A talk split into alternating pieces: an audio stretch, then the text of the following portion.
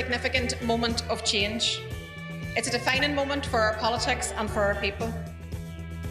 Let's have a healthy debate about what our future looks like, something that's better for each and every one of us, where we all have a valued place in our society. This is a time for grown up, sensible partnership politics. That's what people want. And we look forward to an executive being established. I look forward to Michelle O'Neill being nominated as First Minister to lead from the front. Het is mei 2022 en het stormt in Stormont Castle. Het Noord-Ierse parlement is dat, een slot dat uittorent over Belfast. Want voor het eerst in de geschiedenis kwam Sinn Féin als grootste uit de stembus. En de DUP, die strandde op de tweede plaats.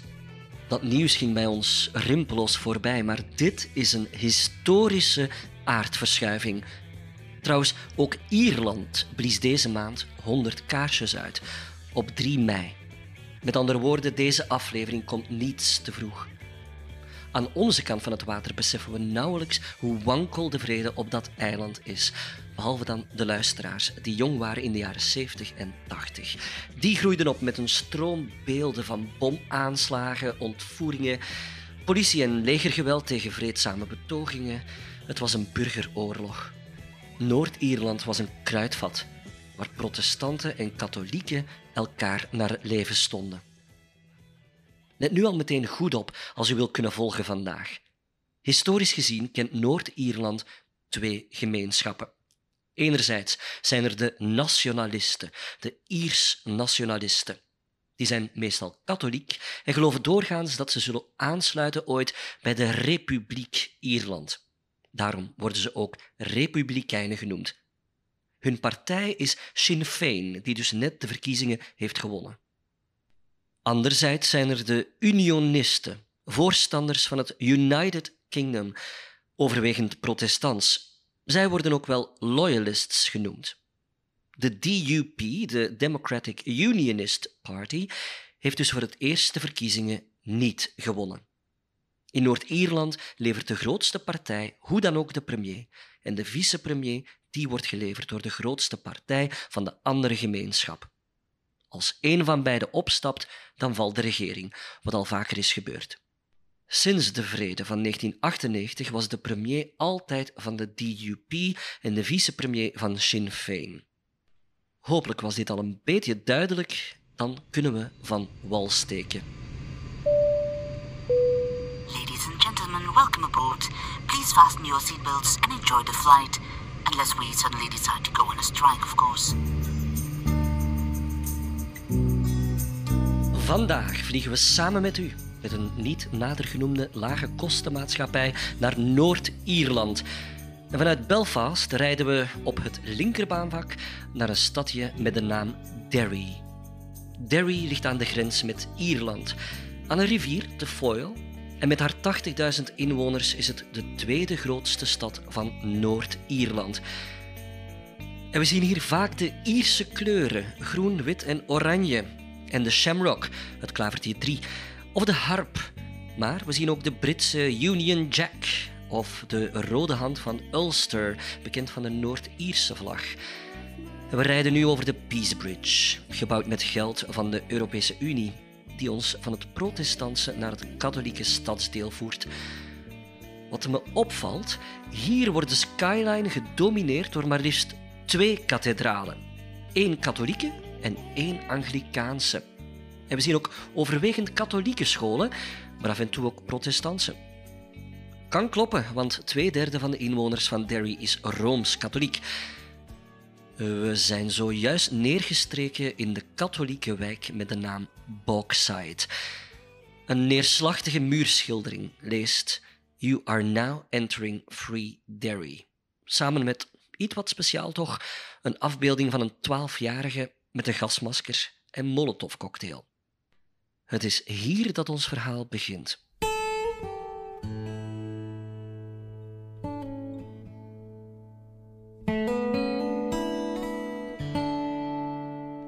Herbeginners, we blijven in de boxsite, maar we spoelen exact een halve eeuw terug naar 1972.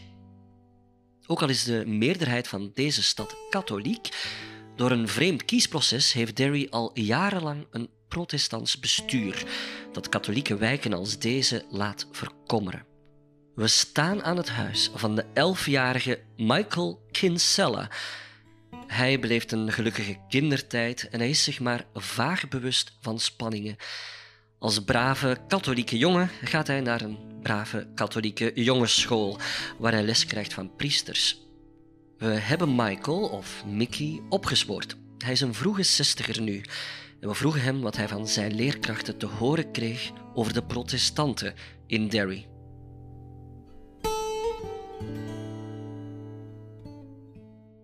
I was told that Protestants were heretics and they didn't believe in God. Uh, Russians were communists and they didn't believe in God. Wacht, moest ik nog meegeven. In deze aflevering wordt af en toe Engels gesproken. Iers-Engels. Maar geen paniek, u zult kunnen volgen. Mickey zegt dus dat hem werd ingepeperd dat protestanten, net als communisten, ketters waren.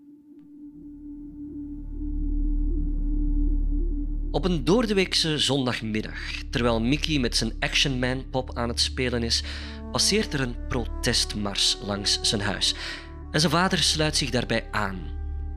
Die mars stelt vrijwel uitsluitend katholieken, zo'n 10 à 15.000, die betogen tegen het beleid van opsluiten zonder proces, waarmee de Britse regering nu duizenden katholieken achter de tralies heeft gezet, als antwoord op toenemend geweld. De voorbije drie jaar zijn er al marsen geweest, zelfs een heuse volksopstand in de Boxside, met de nodige rubberkogels en traangas van dien. En drie dagen geleden schoten nationalisten twee agenten dood. Kortom, de sfeer is grimmig, de mars is ook verboden. De betogers willen vreedzaam tot aan het stadhuis marcheren. Maar politiebarricades en legertanks jagen ze het centrum uit. Ook de IRA, dat is die Irish Republican Army, een paramilitaire groep van nationalisten, heeft wegversperringen opgeworpen die de ordentroepen uit katholieke wijken wil houden. Katholieke jongeren gooien nu met stenen. De politie die schiet met rubberen kogels en ze zet nu ook het waterkanon in. Daar, daar ziet u die krullenbol die wegloopt van de politie. Dat is Jack Duddy, 17 jaar. Op zondag 30 januari 1972 schieten Britse soldaten op vreedzame betogers in Derry. Edward Daly, een 38-jarige priester, loopt met een bebloede zakdoek in de hand, met achter hem vier mannen met de dode jongen in de armen. Patrick Doherty, 31 jaar, wordt langs achteren doodgeschoten terwijl hij een schuilplaats zoekt. Kevin McKellany, 17 jaar, ongewapend, treft hetzelfde lot. Daar William Nash, 19 jaar, die loopt naar een gewonde kameraad en wordt neergeschoten. Michael McDade, 20, loopt weg van de paratroopers en krijgt een kogel in het gezicht, afgevuurd van op de stadswallen. James Ray, 22, ligt gewond op de grond. Hij kan zijn benen niet bewegen en hij krijgt zijn kogel van dichtbij. Gerald McKinney, 35, ziet de 17-jarige Gerald Donaghy neergeschoten worden, loopt er naartoe. Hij roept nog Don't shoot en wordt in de borst geschoten. Bloody Sunday duurt nauwelijks 12 minuten en eist 14 ongewapende slachtoffers, waarvan de helft minderjarig. Er vallen 15 gewonden. Een van de dodelijke slachtoffers die ik net noemde is de 19-jarige William Nash.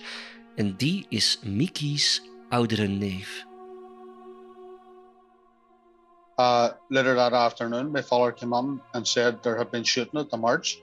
My cousin had been uh, shot dead and that his father had been wounded. I saw a lot of adults crying that day. I remember, you know, being sent up the stairs and, and thinking about what I had heard, you know, down the stairs. Mickey's oom is dodelijk gewond geraakt toen hij zijn zoon ter hulp schoot. Tot overmaat van ramp wil het noodlot dat zijn tante juist in het ziekenhuis is opgenomen met een hartaanval en dat niemand haar over de schietpartij durft te vertellen. Het zou haar fataal kunnen zijn en daarom vertellen ze het haar onder verdoving. Mickey herinnert zich de dodenwaken van zijn neef alsof het gisteren was. I went to the wake and saw the cousin in the coffin. I remember being very scared before because I thought that I, I was going to see the, you know, the bullet wound on his chest. But of course, that was covered up by a, a shroud. Um, it was a very sad wake, and all people were, were crying. Alsof het bloedbad zelf nog niet erg genoeg is, probeert de overheid de misdaad te vergoelijken door het over terroristen te hebben. De soldaten verdedigden zich, hoewel getuigen en journalisten dit met klem tegenspreken. En alsof de verontwaardiging nog niet groot genoeg was toen alle soldaten werden vrijgesproken, krijgt de luitenant-kolonel van de Paras nog in hetzelfde jaar de Orde van het Britse Rijk opgespeld door koningin Elisabeth. Het anti-Britse sentiment is nu te snijden. It, uh, it escalated uh, on the, the worst year of violence. And that year, 1972, uh, IRA recruitment went through the roof. Het is aanschuiven voor verbitterde jongeren om toegelaten te worden bij de IRA. Maar goed, in deze stad lopen niet alleen katholieken rond. Maak kennis met onze tweede Derry boy, Peter Maguire. Hij zal niet zeggen Derry, maar Londonderry. Dat is de officiële naam. Hij is protestants opgevoed, Engelsgezind ook en loyalist.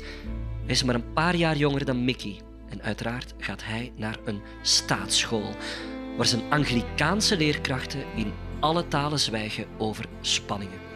Peter die leert het dan maar van de oudere jongens op de speelplaats die er de mond van vol hebben.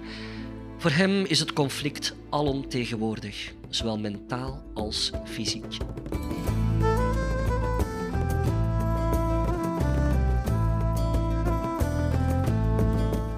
It's very hard to explain to people that didn't live through it what it was like.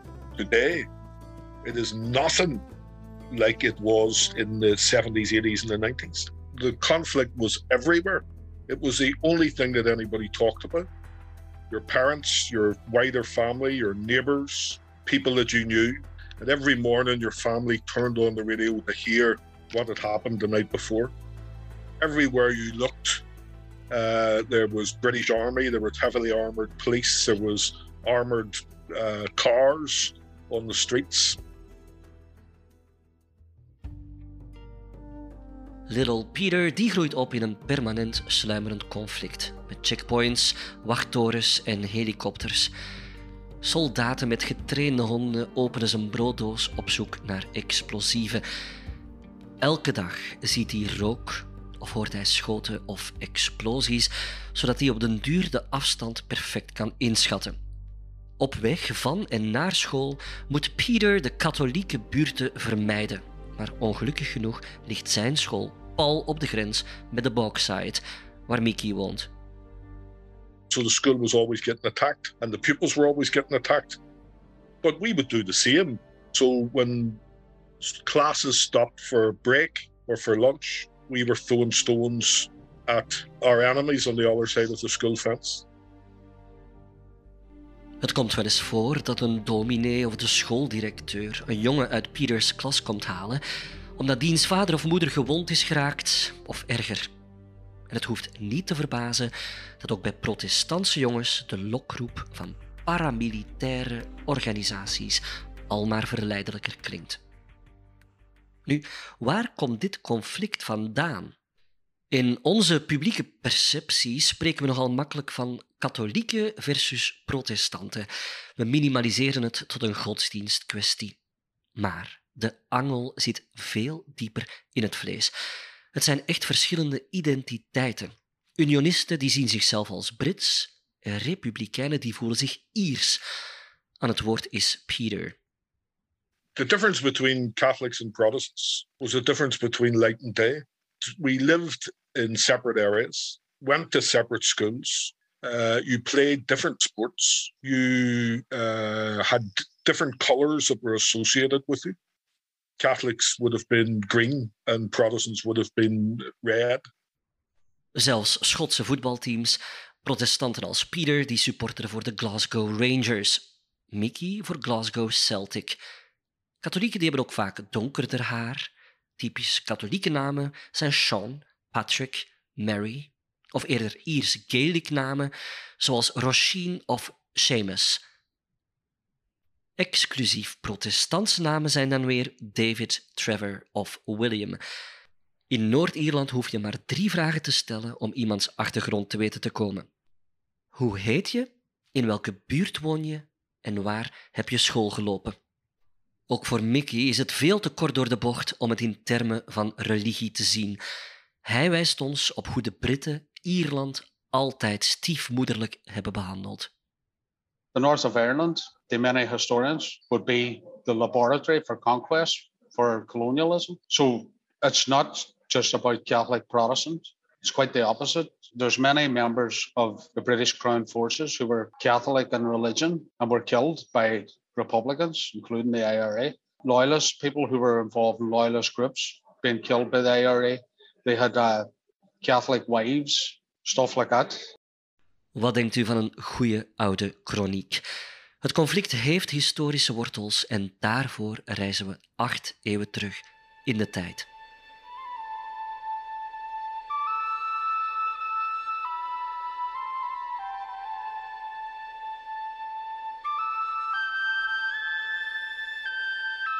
In de late 12e eeuw vallen Anglo-Normandische ridders vanuit Engeland het oosten van Ierland binnen.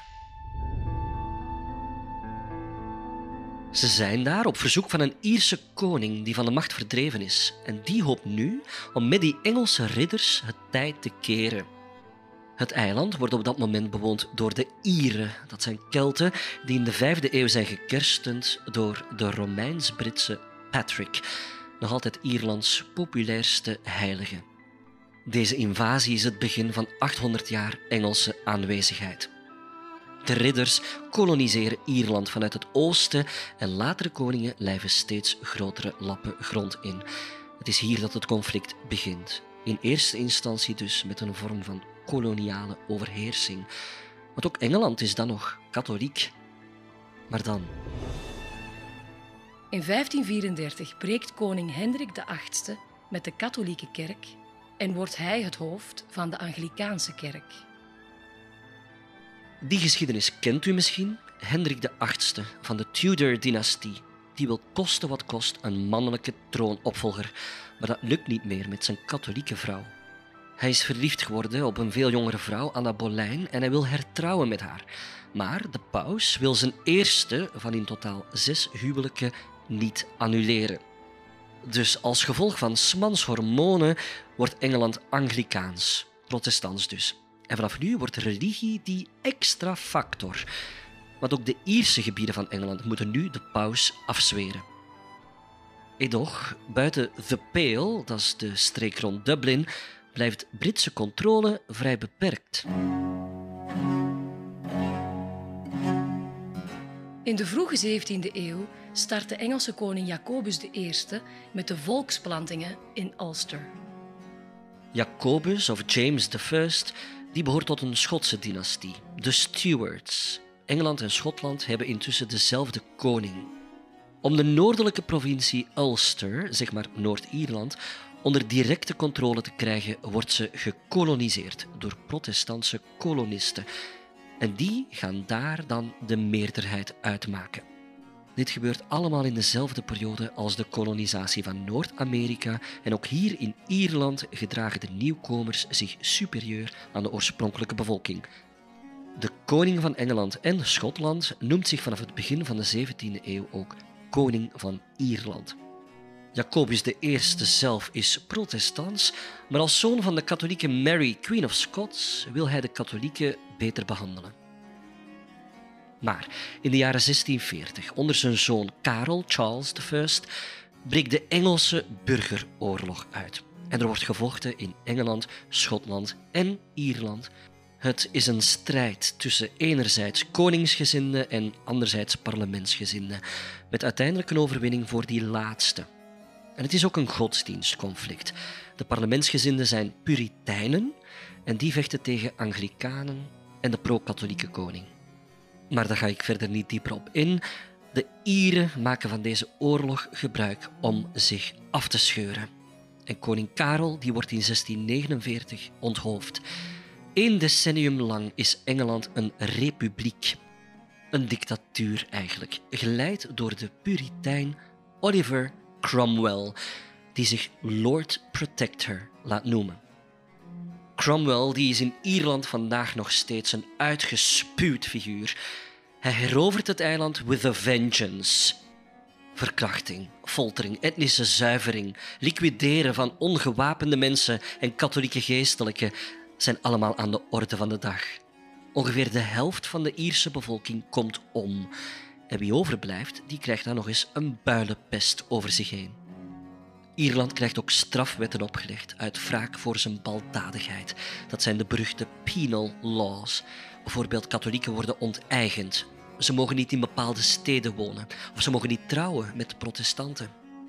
Maar in 1660 komen de Stuarts terug aan de macht. Dat heet de Restoration, met Charles II, Karel II.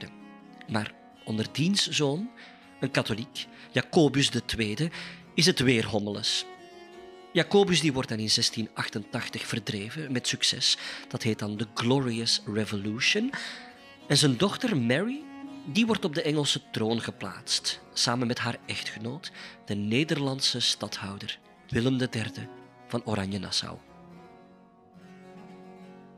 Maar Jacobus, die katholiek dus, die laat zich niet de kaas van het brood eten, door een Hollander dan nog wel.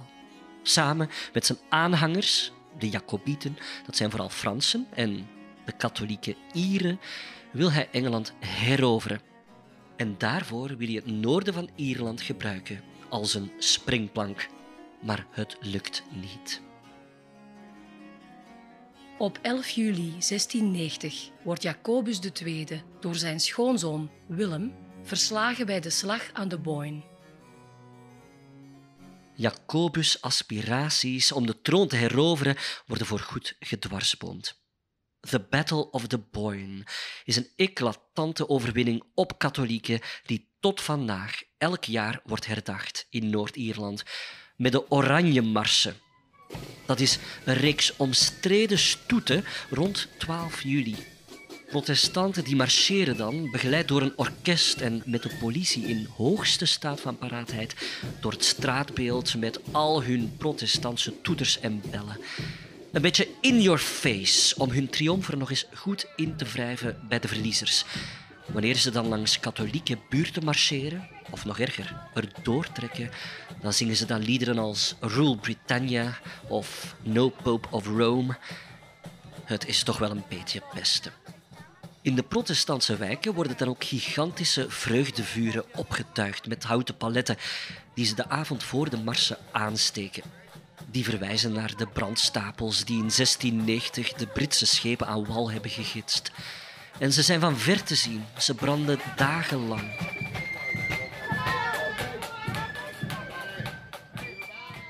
Zo dus, eind 17e eeuw is Ierland weer onder Engels gezag, met een nieuwe batterij strafwetten. Zoals daar zijn, katholieken mogen niet gaan studeren in het buitenland, ze mogen niet stemmen voor het parlement, en katholieke geestelijken moeten het land uit en later moeten ze zich registreren in een graafschap waar ze niet uit mogen. En ze moeten ook een waarborg betalen voor goed gedrag. De meeste penal laws die worden pas eind 18e eeuw ingetrokken.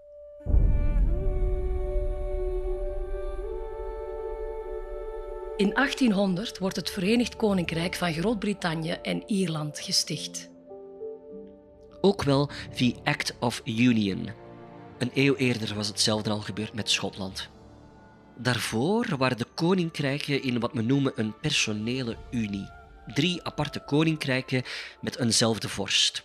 Maar nu gaat Ierland dus hetzelfde land vormen met Engeland. In de 19e eeuw zien de Ieren zwarte sneeuw. Tussen 1845 en 50 wordt het eiland getroffen door de grote hongersnood. 90% van de aardappeloogst is mislukt, met als gevolg meer dan een miljoen dode Ieren. Vele andere vluchten naar Noord-Amerika, Australië, Nieuw-Zeeland en zelfs Groot-Brittannië. Eind 19e eeuw komt er een beweging op die Ierland zelfbestuur wil geven. Home Rule. Maar wetgeving er rond loopt altijd vast in Westminster. Sinn Féin, de partij die de verkiezingen dus won vorige maand, ziet het levenslicht in 1905. Ze is een separatistische beweging die Ierland onafhankelijk wil. Tijdens de Eerste Wereldoorlog dienen Ierse vrijwilligers in het Britse leger, maar in volle oorlog, op paasmaandag, laten de Ieren van zich horen. Op 24 april 1916 breekt in Dublin de paasopstand uit. De Easter Rising is een van de belangrijkste hoofdstukken in de Ierse ontstaansgeschiedenis. Opstandelingen roepen de republiek uit en een deel van de Ierse vrijwilligers bezet sleutelposities, waaronder het postgebouw.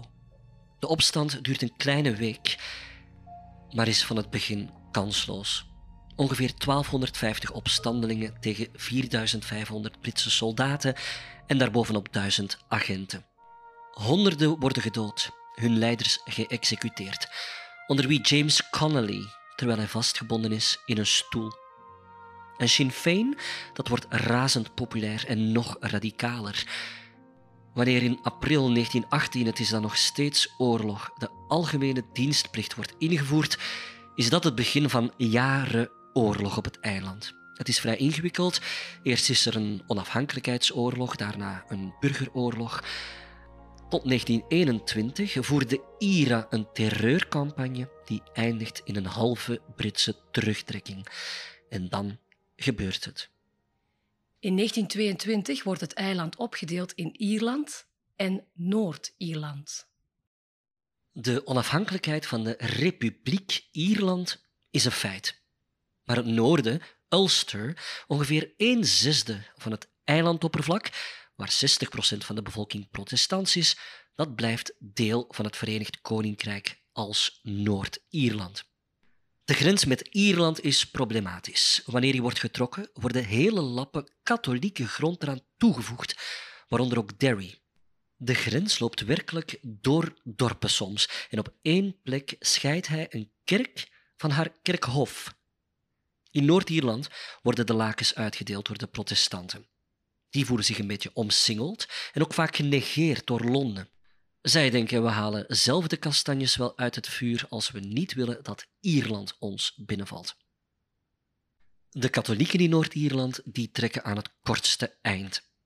In 1922 zijn ze de minderheid, maar wel met 40%, een grote minderheid dus.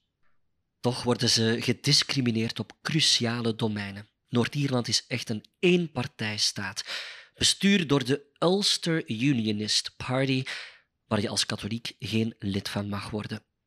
Vrijwel het hele politiekorps is unionistisch en de politie kan iemand voor het minste arresteren. Het uithangen van de Ierse driekleur is vaak al genoeg. Na de Tweede Wereldoorlog komt ook bij ons de sociale welvaartsstaat op, maar katholieken in Noord-Ierland worden een sociale onderklasse. Ze zijn armer en op de huizenmarkt worden ze achtergesteld. En omdat je enkel mag stemmen als je eigendom bezit van een bepaalde waarde, wordt katholieken het stemrecht onthouden. Voor een job als ambtenaar kunnen ze het ook schudden. Noord-Ierland is dus een gesegregeerde maatschappij. Katholieken die denken, de politie is tegen ons, Londen is tegen ons en in Ierland zitten ze eigenlijk ook niet echt op ons te wachten. En in de jaren 60 laten ze zich inspireren door de Amerikaanse burgerrechtenbewegingen. Ook zij komen vreedzaam op voor hun rechten. En dat brengt ons bij het begin van de aflevering, want het is dan dat Mickey en Peter hun kindertijd beleven. Tussen de late jaren 80 en de late jaren 90 is Noord-Ierland in de greep van de Troubles.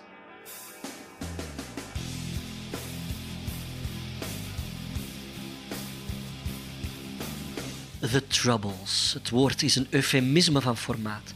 Wederzijdse bomaanslagen, een toename van soldaten, kidnappings, moordpartijen, politierazzia's op katholieke wijken, brandstichting, you name it. Eigenlijk wilden we hier zo'n vlotte montage steken, met daarin de belangrijkste aanslagen, afgewisseld met quotes van Margaret Thatcher of zo, maar er is geen beginnen aan. 30 jaar lang leven Noord-Ieren in oorlogsgebied. Een spiraal van geweld. In Belfast worden de zogenaamde Peace Walls gebouwd. Een heel paradoxale naam om gemeenschappen van elkaar te scheiden. En die staan er vandaag nog steeds. Drie meter hoog, met prikkeldraad, om het geheel vredig te bekronen. In Derry en Belfast worden no-go zones opgericht, waar de politie gewoon laat betijen. En met Bloody Sunday schiet het leger elke hoop op vrede aan flarden. De IRA wordt heruitgevonden, bewapent zich met wapens die de Ierse grens over zijn gesmokkeld. En met 1300 bomaanslagen is 1972 het jaar met de meeste slachtoffers. 479, waarvan minstens 100 Britse ordentroepen. En wat met Mickey en Peter? Allebei willen ze als jongeren politiek actief zijn. Mickey die sluit zich aan bij Sinn Féin, de politieke arm van de IRA, en Peter bij de UDA, de Ulster Defence Association, de protestantse paramilitairen. I and my family, uh, my relations, my neighbours, and my wider community were under attack, and you had to retaliate. You had to stand up. If a bully is bullying you, you fight back. Peter moet protestantse buurten bewaken tegen aanvallen met stenen of erger. En de paramilitaire groepen die worden echt een staat binnen de staat. Ze maken deel uit van een grotere structuur van organisaties, niet alleen militaire, maar ook politieke of culturele, zelfs sociales, maar ook bendes, zonder al te veel centrale controle. Er is veel toegestaan. You didn't have to ask for permission to kill someone. You didn't have to ask for permission to carry out a bomb attack. As long as it was against the enemy, there was never any questions asked. In 1981 sterven tien katholieke gevangenen als gevolg van een hongerstaking in de beruchte Maze-gevangenis. Ze worden echte martelaren, vooral de eerste, Bobby Sands. In totaal kosten de Troubles aan bijna 3600 mensen het leven langs beide kanten. De helft van de slachtoffers zijn burgers met minstens 250 kinderen. Zeker 30.000 mensen raken gewond. De helft van de slachtoffers valt in het overwegend protestantse Belfast. Mickey en Peter die staan tijdens de Troubles lijnrecht tegenover elkaar. Op hun verzoek wijden we niet uit over de aard van hun daden, we houden het op extreem politiek activisme. Heel vaak komen ze in het vizier van de autoriteiten, vooral Peter. I went to prison on five occasions. I was then jailed for two years, uh, and I got out, and then I was jailed for five years, and I got out, and I was put in prison again for six months, and the charges were dropped. And then I, two months later, I was put in prison again for another six months, and the charges were dropped. Or being sent to prison was not seen as a, a bad thing. There was nothing to be ashamed about. In fact, it was seen as a badge of honor. Wanneer Peter in Belfast opgesloten wordt, dan voelt het alsof hij thuiskomt bij zijn kameraden. Maar ook Mickey's biografie is niet gespeend van gerechtelijke vervolging. Suffice it to say that I, I, I joined the uh, political wing, Sinn Féin. I have been accused of being a member of the IRA. My home was raided. I was arrested. And in 1991, I was charged with a, a number of IRA uh, charges. I was in jail with other IRA prisoners. There was a, a camaraderie. Mickey studeert in de gevangenis en Peter ook. Allebei studeren ze geschiedenis.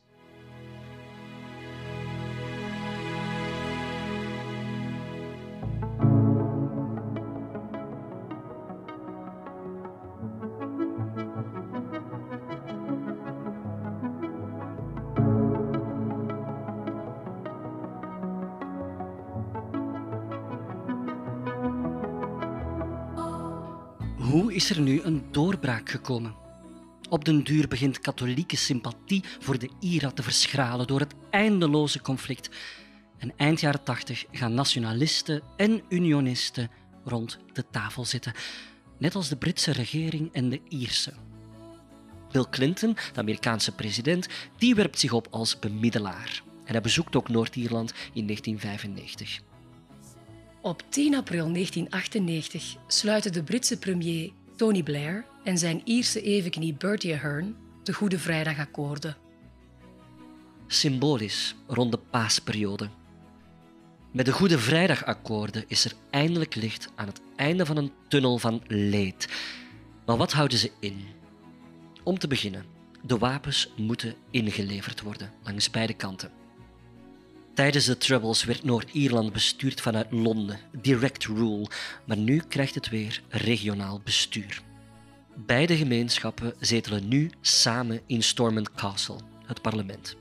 En Noord-Ierland heeft ook een regering die is bevoegd voor economie, gezondheid, cultuur en onderwijs. En belangrijk, de grens met Ierland gaat open, gedaan met controles tussen Noord en Zuid. De Britse regering belooft om de katholieke minderheid te beschermen, want Noord-Ierland blijft bij het Verenigd Koninkrijk tenzij een meerderheid van de bevolking daar anders over denkt. Er is dus die optie van hereniging. Ook de Britse troepenmacht wordt afgebouwd. Ik heb het opgezocht. In totaal zijn er tussen 1969 en 2007 meer dan 300.000 Britse soldaten gestationeerd geweest in Noord-Ierland. Dat is ongeveer het dubbel van Afghanistan. In 2010 komt er een grootschalig openbaar onderzoek naar Bloody Sunday, dat maar liefst 12 jaar duurt. Het concludeert dat de slachtoffers geen enkele bedreiging vormden. En eindelijk komen er excuses van een nieuwe premier, David Cameron. The conclusions of this report are absolutely clear. There is no doubt, there is nothing equivocal, there are no ambiguities. What happened on Bloody Sunday was both unjustified and unjustifiable. It was wrong. De Goede Vrijdagakkoorden zijn vandaag wat in de vergetelheid geraakt. Het was tenslotte vrede. Maar de sfeer is altijd gespannen gebleven. En we mogen niet vergeten, in Belfast staan die peace walls er nog altijd.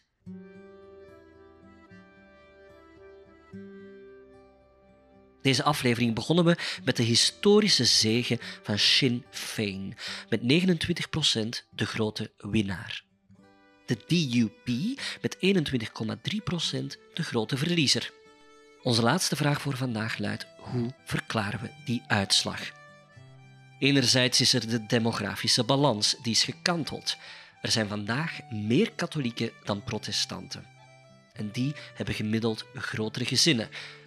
Protestantse jongeren die migreren ook vaak naar Engeland.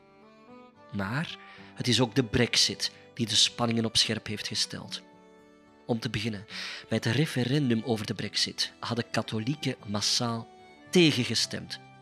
Want het spook van een harde grens en douanecontroles doemde weer op, nu dat de buitengrens van Europa dwars door het eiland loopt, 500 kilometer lang. En dat is in strijd met de Goede Vrijdagakkoorden, die een harde grens verbiedt. Vorig jaar, met Goede Vrijdag, laaide het straatgeweld in Derry weer op. Geen nacht ging voorbij zonder. Helemaal tot in Belfast, waar een dubbeldekker in vlammen opging. En drie jaar geleden, in 2019, werd de bekende journaliste Lyra McKee gedood. Per ongeluk door een groep die zichzelf The New IRA noemt. De Brexit heeft oude demonen brutaal wakker gekust. Maar voor Mickey is het duidelijk: deze mensen zijn geen vrijheidsstrijders. Ze vormen misdaadkartels die de drugshandel bestieren en die gewoon meeliften met de geschiedenis. They wanted the, uh, to appear like the people who fought the war and won after the war was over. If that makes any sense at all, but that seems to be what they're trying to do. They want to uh, become part of history as being the last man standing, if you like.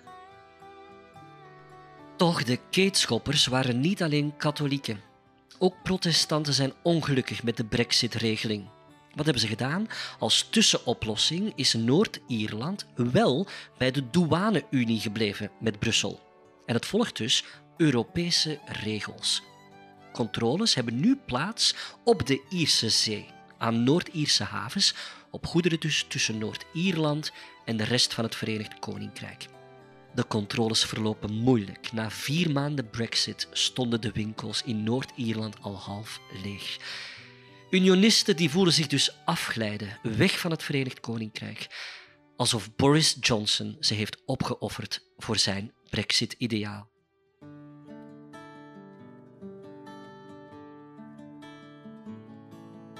Vandaag leerden we Peter en Mickey kennen. Ooit waren ze elkanders erfvijanden. Maar na de vredesakkoorden zijn ze gaan inzien dat je met geweld, moord en verderf geen stap dichter bij een oplossing komt. Jarenlang hadden ze in sociale bubbels geleefd, omringd door gelijkgezinden, maar vanaf de jaren 2000 hebben ze zich samen met vele anderen bereid getoond om te gaan luisteren naar mensen van de andere kant. Vandaag zijn ze vrienden die zich samen inzetten om met jongeren van beide gemeenschappen in dialoog te gaan. Ze bezoeken scholen, ze werken met oud-gedetineerden en ze werken vandaag mee met onze podcast. We stelden ze nog één vraag. Hoe zien zij de Ierse toekomst in? Rooskleurig of weer bloedrood? Whatever the future holds, I'm still an Irish Republican. I would like to see a reunited Ireland where all the people of the country can have a decent life, living living peacefully, where everybody can have their identity, you know, and, and, and freely express their identity, you know, here's the, the, the bottom line people are not getting killed, people are not getting injured. I don't really care uh, if Northern Ireland is becomes part of a, uni- a United Ireland or if it stays part of the United Kingdom. I'm, I am a Democrat, and if there is a majority for United Ireland, I'll accept that. The people can have the Irish and or the British passport and the children of the future can prosper and that their investment will come to the country.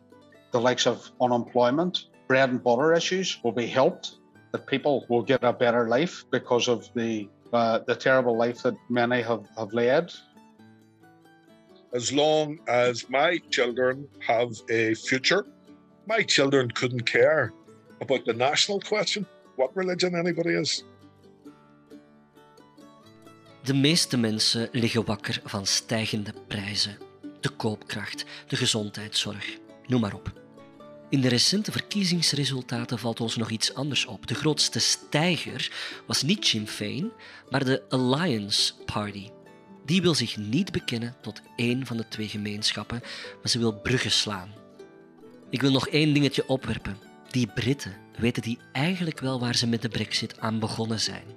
Zes jaar na het Brexit-referendum zijn nu zowel in Schotland als in Noord-Ierland partijen aan de macht die het Verenigd Koninkrijk willen verlaten. Vergeet niet, volgens de Goede Vrijdagakkoorden mag zoiets via een referendum worden beslist.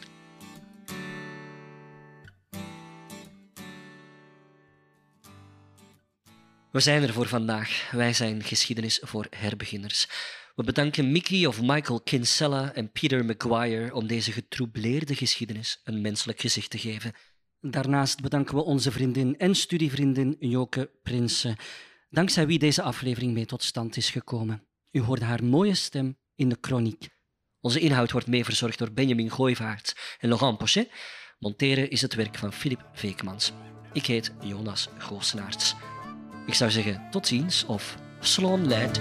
Well, you're walking through a city street, you could be in Peru, and you hear a distant calling, and you know it's meant for you. Then you drop what you were doing, and you join the merry mob, and before you know just where you are, you're in an Irish pub. They've got one in Honolulu, they've got one in Moscow too. They got four of them in Sydney and a couple in Kathmandu. So whether you sing or pull a pint, you'll always have a job. Cause wherever you go around the world, you'll find an Irish pub.